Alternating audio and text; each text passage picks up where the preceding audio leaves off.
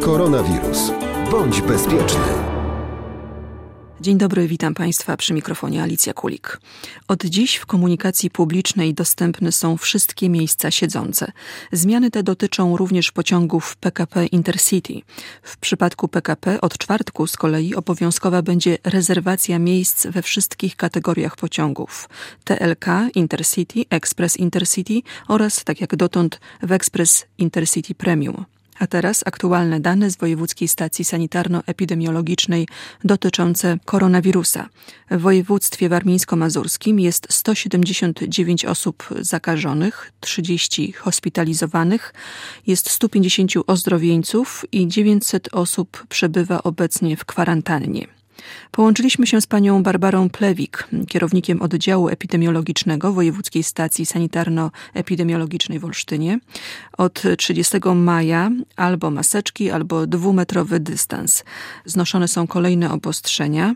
Dla społeczeństwa to jest sygnał, że coś się zmieniło pod względem epidemicznym. Czy rzeczywiście coś się zmieniło? W naszym regionie ta sytuacja rzeczywiście jest stabilna od jakiegoś czasu, więc myślę, takie, że takie e, zdjęcie e, ograniczeń nie jest e, czymś złym. Natomiast my musimy pamiętać o zachowaniu na pewno tego dystansu, o którym mówimy i noszeniu maseczek w momencie, kiedy wchodzimy do miejsc, tych, które są w tej chwili newralgiczne i wyznaczone, czyli sklepy czy różne miejsca, w których się spotykamy w grupie, tramwaje czy różnego rodzaju środki lokomocji. Ten zdrowy dystans, czyli te minimum dwa metry powinno być zachowane. W ogóle ta cała historia z COVID-em powinna nas nauczyć pewnych zachowań takich prozdrowotnych i prohigienicznych, które powinniśmy mieć zawsze. Czy to będzie COVID, czy to będzie grypa, to powinniśmy pamiętać o higienie rąk yy, przede wszystkim i to też, żeby móc mówić o higienie rąk, czyli prawidłowym myciu i dezynfekcji, to też pamiętajmy o technice, bo my automatycznie myjemy ręce, natomiast zapominamy o obszarach newralgicznych. Myślę, że to jest ważne, to na, na czym się powinniśmy skupić.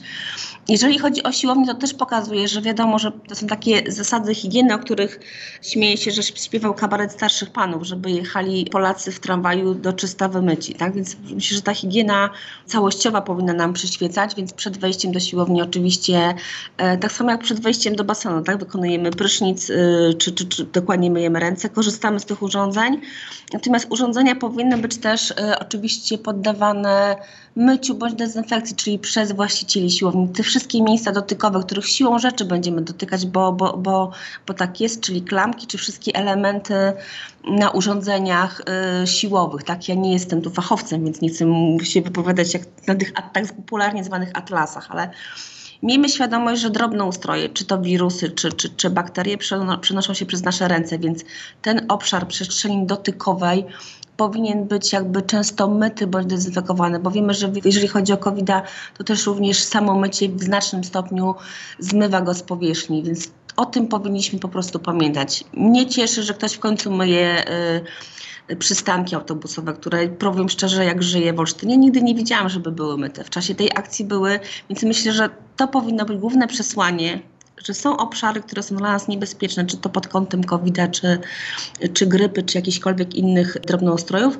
które powinny być odpowiednio traktowane. Tak, tak? Bo my o tym mówiliśmy do tej pory w obszarze medycznym, ale widzimy, że ten wirus czy różnego rodzaju bakteria jest wszędobylska i może być w różnych miejscach, więc tam, gdzie będą przebywali ludzie, czyli poręcze, klamki, przyciski w windach, już można sobie wyobrazić wszystkie miejsca, które dotykamy, powinny być odpowiednio przygotowane, czyli poddane myciu, ponieważ no wtedy to, ta transmisja wirusa jakby w, w, środowisku będzie, będzie dużo mniejsza. My z tym wirusem się zetkniemy wcześniej czy później, my się po prostu musimy nauczyć z nim żyć. Tak? I my wiemy, że, że gro pacjentów przechodzi to łagodnie. Tak? Takie powikłania rzeczywiście dotyczą grupy wiekowej. Też wiemy, że takim elementem sprzyjającym powikłaniom covid jest na przykład palenie papierosów czy nadciśnienie, bo takie w literaturze już się pojawiały hasła. My też się tego wirusa uczymy.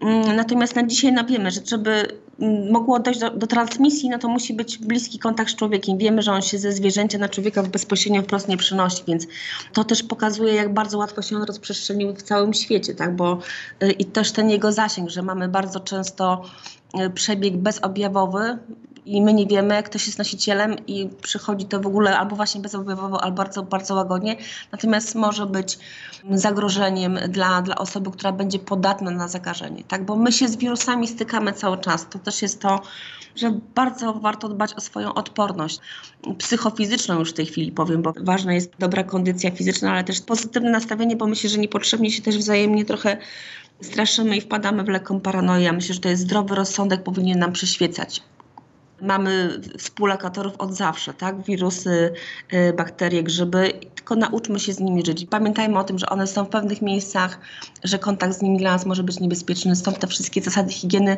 o których ustawicznie powinniśmy pamiętać. Barbara Plewik, kierownik oddziału epidemiologicznego Wojewódzkiej Stacji Sanitarno-Epidemiologicznej w Olsztynie była naszym gościem. Dziękuję pani bardzo. Koronawirus. Bądź bezpieczny.